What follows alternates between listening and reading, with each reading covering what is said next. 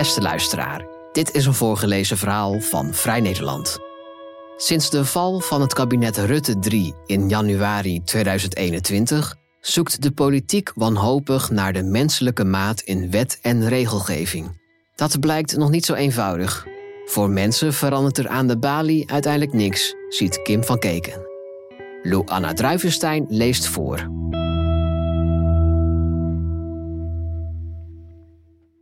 De menselijke maat. Ineens is hij overal. Als doekje voor het bloeden en tegelijkertijd als een zwaluwstaartje dat de kissenbissende coalitiepartijen in Rutte 4 bijeen moest houden. Sinds de val van het kabinet Rutte 3 in januari 2021 zoekt de politiek wanhopig naar die felbegeerde menselijke maat in wet en regelgeving. Dat blijkt nog niet zo eenvoudig. Wie als buitenstaander wil weten hoe het na de 2,5 jaar lange politieke speurtocht gaat met de menselijke maat, verdringt subiet in een angstaanjagende hoeveelheid rapporten, analyses, voortgangsrapportages en programma's. Dikke stapels papier die vooral een onmachtige overheid verbloemen, geleid door bestuurders die verblind zijn door modellen en niet goed meer weten voor wie ze eigenlijk alles doen. Uit diverse onderzoeken blijkt dat de standaardburger niet bestaat, schreef minister Hanke Bruin-Slot van Binnenlandse Zaken enkele maanden geleden aan de Tweede Kamer. Alsof dat het ei van Columbus was. Bruin-Slot coördineert namens het kabinet de menselijke maat en die vraagt volgens haar nadrukkelijk om een ander, rijker mensbeeld. Dat mensbeeld was de laatste jaren niet al te realistisch. Het punt dat de onderzoeken aantoonden is namelijk niet de open deur dat de standaardburger niet bestaat, maar vooral dat de overheid jarenlang deed alsof zo'n standaardburger bestond. De huidige verzorgingsstaat loopt vast in eenzijdige veronderstellingen over het leven en het gedrag van burgers, schreef de Raad voor Volksgezondheid en Samenleving eind 2021 in het eindejaarsessay Machtige mensbeelden. De Raad vervolgde, eenmaal vastgelegd in wet en regelgeving, raken mensbeelden gevangen in de bureaucratische logica van de verzorgingsstaat zelf. Tot in de jaren tachtig was het mensbeeld van de overheid sociaal empathisch om daarna steeds meer individualistisch en rationeel te worden. De sleutelwoorden voor de beleidsmakers zijn daarbij eigen verantwoordelijkheid en zelfredzaamheid. Minister Marga Klompé, die in 1963 de bijstandswet invoerde, vond dat een bloemetje op tafel erbij hoorde en de uitkering dus voldoende, zelfs een beetje ruimhartig mocht zijn. Een paar decennia later werd de bijstand iets dat verdiend moest worden, met allerhande sancties heet blazend in de nek van de uitkeringsgerechtigde. De staat is geen geluksmachine waar mensen maar op kunnen blijven leunen, was de boodschap van de VVD toen die partij in 2010 premier Mark Rutte leverde. Het beleid werd sindsdien vooral regel het zelf even. Dat ging in 2013 tijdens het VVD en PvdA-kabinet Rutte II wat stijlvoller de participatiesamenleving heette. Rutte vatte zijn ideaalbeeld daarvan in 2014 op krap drie A4'tjes samen als Nederland dat via WhatsApp-groepjes de dagelijkse bezoekjes en het verzorgen van de buurvrouw regelt. Maar deze rooskleurige participatiesamenleving bleek vooral een toverformule waarmee tal van bezuinigingen onder de noemer maatwerk konden worden ingeboekt. De zorgtaken voor de ouderen en jeugd werden met minder geld overgeheveld naar de gemeente. Op de geestelijke gezondheidszorg werd bezuinigd. Sociale werkplaatsen voor de meest kwetsbaren op de arbeidsmarkt verdwenen. De Wajong een uitkering voor jong gehandicapten werd grotendeels afgeschaft. Er werd flink gesnoeid in de reïntegratiebudgetten van het UWV. En dat dus allemaal volgens het beeld van een zelfredzaam menstype.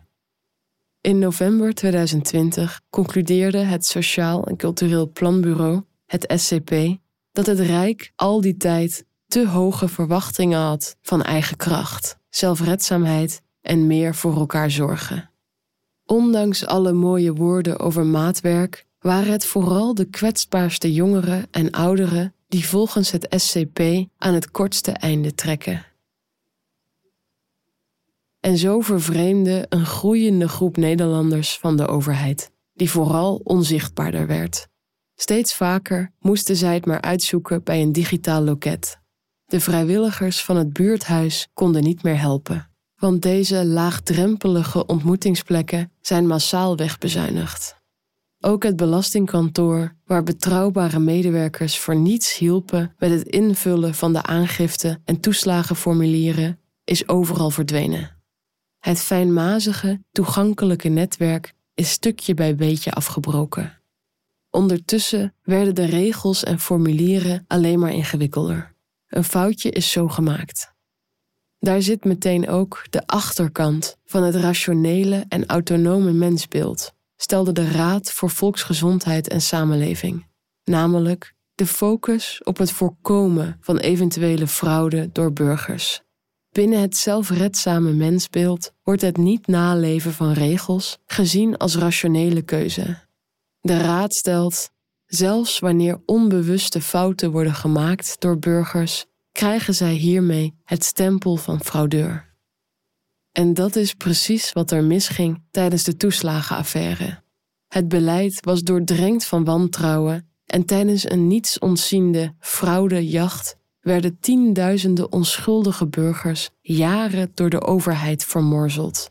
Het werd in Den Haag jarenlang niet opgemerkt. De signalen dat er veel gruwelijk misging, werden vakkundig weggemanaged in een Haagse papieren werkelijkheid. Alleen dankzij volhardende Kamerleden als Pieter Omtzigt, Renske Leijten en Farid Azarkan, advocaten als Eva González Perez en journalisten als Pieter Klein en Jan Klein Nijenhuis, kwam er steeds meer onthutsende informatie naar buiten en kregen de slachtoffers een gezicht. Levens zijn, niet zelden voor altijd, verwoest. Ongekend onrecht heette eind december 2020 het snoeiharde rapport van de parlementaire ondervragingscommissie die het toeslagenschandaal onderzocht. Het leidde enkele weken later tot de val van het kabinet Rutte III. De rechtsstaat moet burgers beschermen tegen een almachtige overheid. En dat is hier op een verschrikkelijke manier misgegaan, zei de premier tijdens zijn aftreden. Tegelijk deed hij namens het aftredende kabinet de schriftelijke belofte om overal de menselijke maat te herintroduceren. Hij schetste een Nederland waar mensen voortaan niet meer verstrikt zouden raken in ingewikkelde toeslagensystemen, maar altijd op een begrijpelijke manier geholpen worden en waar niemand nog van het kastje naar de muur wordt gestuurd. Een jaar later werd Rutte 4 gepresenteerd met exact dezelfde partijen als het kabinet daarvoor: VVD, D66, CDA en ChristenUnie. Rutte was, benadrukte hij overal, tot op het bot gemotiveerd om de problemen op te lossen. Juist daarom was hij de man voor deze klus, vond hij zelf. Zes keer staat de menselijke maat in het coalitieakkoord. De partijen schrijven: De democratische rechtsorde is het fundament van onze samenleving. Dit fundament heeft barsten opgelopen. Wij willen het vertrouwen tussen burgers en overheid herstellen. Wij willen werken aan een overheid die transparant, toegankelijk en begrijpelijk is. Maar het lijkt weinig op te schieten met deze ambitie. Zo blijkt uit de eindeloze stroom brieven van de departementen. Ze zijn doordrenkt met afstandelijke termen als beleidskompas, een analyse van het beleid, hardheden alles waardoor regels mensen onbedoeld kunnen verdrukken en buikpijncriterium, het oeroude instinct van professionals dat vaak is vervangen door formulieren zeeën en algoritmes. De ruimte voor meer menselijk beleid in de uitvoering wilde het kabinet opnemen in hardheidsclausules, al waarschuwden deskundigen dat deze juist rechtsongelijkheid en willekeur in de hand werken. Doe wat, liever gisteren dan vandaag, was afgelopen november dan ook de hartekreet tijdens een ronde tafelgesprek over de menselijke maat in de Tweede Kamer. Hulpverleners, wethouders en deskundigen maanden de parlementariërs tot spoed en drukten ze op het hart om de menselijke maat toch vooral niet in een model of hardheidsclausule te willen vangen. Juist dat tot op de komma alles vast willen leggen, heeft geleid tot onwerkbare wetten. De Rotterdamse ombudsvrouw Marianne van den Anker ziet dagelijks hoe mensen worden gemangeld tussen overheden die tegenstrijdige regels hanteren.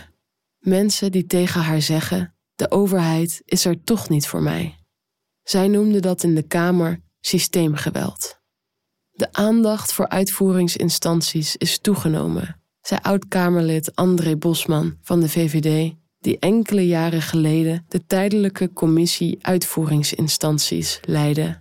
En hij vond dat positief. Hij vervolgde: Maar het risico is wel dat de menselijke maat nu overal op wordt geplakt. Want het is ook gewoon een containerbegrip dat de overheid overal voor kan gebruiken, terwijl begrijpelijke wet en regelgeving maken een hoofdtaak zou moeten zijn. Bosman zei: Het gemiddelde werk- en denkniveau in Nederland is MAVO 3. Het is zaak om wet en regelgeving zo in te richten dat iedereen in staat is het te lezen en na te volgen. Als je daaraan voorbij gaat, richt je een samenleving in die mislukt. Maatwerk is een kwestie van beschaving, schreven Mark Bovens en Annegreet Keizer van de Wetenschappelijke Raad voor het Regeringsbeleid, de WRR, aan de Tweede Kamer. Ze vervolgde: Maar bij de grote uitvoeringsinstanties is het niet de oplossing voor een meer humane behandeling van burgers. Wetten moeten zo zijn geschreven, stellen zij, dat burgers zo min mogelijk fouten kunnen maken. Keizer en Boven schrijven: Maatwerk is slechts een ultimum remedium voor als er bijzondere omstandigheden zijn of als er sprake is van extreme hardheid. Maatwerk is een klassiek onderwerp voor rechtsfilosofische bespiegelingen, bestuursrechtelijke nuances en voor een verdere verfijning van de algemene wet bestuursrecht maar het biedt geen soelaas aan grote groepen burgers die in de knel zitten of aan uitvoeringsorganisaties die al die burgers willen helpen. En die burgers zijn bang geworden voor een niet te doorgronde overheid, concludeerde advies- en onderzoeksbureau Panthea in een onderzoek dat het in opdracht van het kabinet deed. Het bureau ziet een combinatie van public management denken en een steeds complexere wetgeving in elkaar sleutelen. Daarnaast worden ambtenaren gecontroleerd en gestuurd op meetbare, kwantitatieve doelen. Ambtenaren, zeker in de sociale zekerheid, worden daar nog steeds op afgerekend, ondanks alle mooie woorden over de menselijke maat. Het bureau noemde een belangrijk punt dat ontbreekt in alle kabinetsplannen die de mens weer centraal zouden moeten stellen, namelijk de aannames en veronderstellingen ten aanzien van burgers waar wet en regelgeving op is gestoeld. Het bureau concludeerde: een reflectie op de mensbeelden die verankerd zijn in het systeem vraagt om een meer fundamentele beschouwing. Mensbeelden zijn immers sturend in politieke en beleidsmatige keuzes. De Haagse topadviseur Herman Cenk Willink 81 jaar, oud-topambtenaar en oud-vicepresident van de Raad van State, wijst al decennia op het tanende, oplossende vermogen van de overheid en schreef er onlangs weer een boek over: Het tij tegen. Van de kabinetten Lubbers tot Kok, Balkenende en nu Rutte. Politieke partijen hebben al decennia geen duidelijke visie op welke maatschappij ze willen, zei hij bij het radioprogramma Sven op 1. De nadruk is volgens hem te veel komen te liggen op de economische welvaart via private bedrijven, waardoor de overheid de essentie van het bestaan dreigt te missen. In 1983 zijn de sociale grondrechten vastgelegd, zei hij, zoals het recht op huisvesting, sociale zekerheid, gezondheidszorg en onderwijs. Maar daarna zijn we ze vergeten, aldus Cenk Willink. De overheid is volgens hem te veel gericht op efficiëntie. Hoe de efficiëntie door kan slaan, schetste een andere oud-topambtenaar eind 2021. De 80-jarige Roel in het veld zei in de podcast Betrouwbare Bronnen: Er is een directeur toeslagen in het land die ongeveer 100 miljoen brieven per jaar stuurt. Die mevrouw heeft geen enkele brief gelezen en die brieven worden ook niet met elkaar in samenhang bekeken. In het veld noemde de aanvraag van bijvoorbeeld een bijstandsuitkering en alle informatieplichten die daarbij horen een vernederende exercitie. Hij zei: In de uitvoeringsinstanties zijn geen mensen aan het werk, maar computers, en die veroorzaken onnoemelijk veel leed. Het directe nummer van de regionale belastinginspecteur verdween stilletjes onderaan de brieven van de fiscus. Zoals veel contact met de overheid steeds lastiger is geworden, simpelweg omdat de laagdrempelige en toegankelijke ambtenaren zijn wegbezuinigd. En ondertussen vraagt de overheid veel te veel, vond in het veld.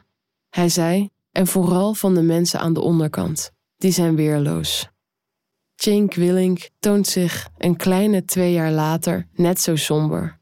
Hij zegt: Waarom zouden burgers een overheid vertrouwen die onzichtbaar is en waar verantwoordelijkheden steeds worden afgeschoven? En met het weer zichtbaar maken, althans in positieve zin, wil het maar niet vlotten. Tweeënhalf jaar nadat premier Rutte met zijn kabinet aftrad wegens het toeslagenschandaal, is de schadeafhandeling voor de slachtoffers één grote bende. Duizenden ouders verkeren nog in grote onzekerheid en hebben dagelijks de stress in het lijf. En ook de andere beloften blijken vooralsnog vooral mooie woorden. Voorlopig blijft het ingewikkelde toeslagensysteem. Alle hervormingen, zoals gratis kinderopvang, zijn mede door bezuinigingen van de baan. En er is nog geen idee voor een alternatief. In de praktijk groeit de onvrede, net als het wantrouwen in de overheid, het aantal daklozen en de rijen bij de voedselbank. Het kabinet Rutte IV had zich voorgenomen de armoede terug te dringen, maar de Raad van State wees er onlangs op dat het aantal mensen in armoede juist stijgt, omdat het tijdelijke energiebeleid, speciaal bedoeld voor de laagste inkomens, wegvalt. Onlangs kwam een groep van duizenden gezinnen in het nieuws die door tegenstrijdige regels van de overheid onder het bestaansminimum leven. Dit probleem werd zeven jaar geleden al door de nationale ombudsman benoemd en ook rechters spraken over een buikpijndossier. Desalniettemin werd dit buikpijncriterium gemist. Hoewel het inmiddels demissionaire kabinet weet dat dit sinds 2016 een groot probleem is, heeft het nog steeds geen oplossing. Ik snap uw frustratie dat dit een al langer gesignaleerd probleem is, zei staatssecretaris Aukje de Vries van Toeslagen en Douane onlangs in een debat tegen Pieter Omtzigt. Ze vervolgde: Ik moet daar wel bij zeggen dat als je het gericht oplost, er heel veel handmatig zal moeten gebeuren. Met andere woorden, dit maatwerk past even niet in het systeem. Het staat in schril contrast met alle adviezen over de menselijke maat die het kabinet kreeg. De Raad voor Volksgezondheid en Samenleving schreef: Juist omdat de realiteit van het dagelijks leven van burgers nooit te vangen is in eenduidige wetten en regels, is het zo belangrijk dat er in de praktijk tot op zekere hoogte ruimte is om rekening te houden met de persoonlijke situatie en context van iemand die om hulp vraagt. Dat is niet alleen een opdracht aan uitvoeringsorganisaties en professionals in de praktijk, maar ook de dure plicht van politiek en beleid zelf. En de urgentie is hoog, want als er niets verandert, dan raakt de relatie tussen overheid en burgers verder beschadigd en liggen vervreemding en vernedering op de loer. Eind mei werd er in de Tweede Kamer weer gedebatteerd over ongekend onrecht. Premier Rutte verwees vooral naar voorstellen die in de toekomst gedaan gaan worden. Op de tribune zaten enkele slachtoffers, zichtbaar aangeslagen en teleurgesteld. Die geroemde menselijke maat is gewoon een verkooptrucje geworden, concludeerde toenmalig Kamerlid Renske Leijten van de SP. Ze zei: We zien overal consultantsbureaus de boel platlopen en veel geld binnenharken. Maar voor mensen verandert er aan de balie uiteindelijk niks. Een overheid die de menselijke maat aankondigt om problemen op te lossen, oogt al wat losgezongen van de realiteit. Maar een overheid die na een lange zoektocht nog geen begin van een antwoord heeft op de vraag wat die menselijke maat dan inhoudt, heeft vooral zichzelf van de burger vervreemd.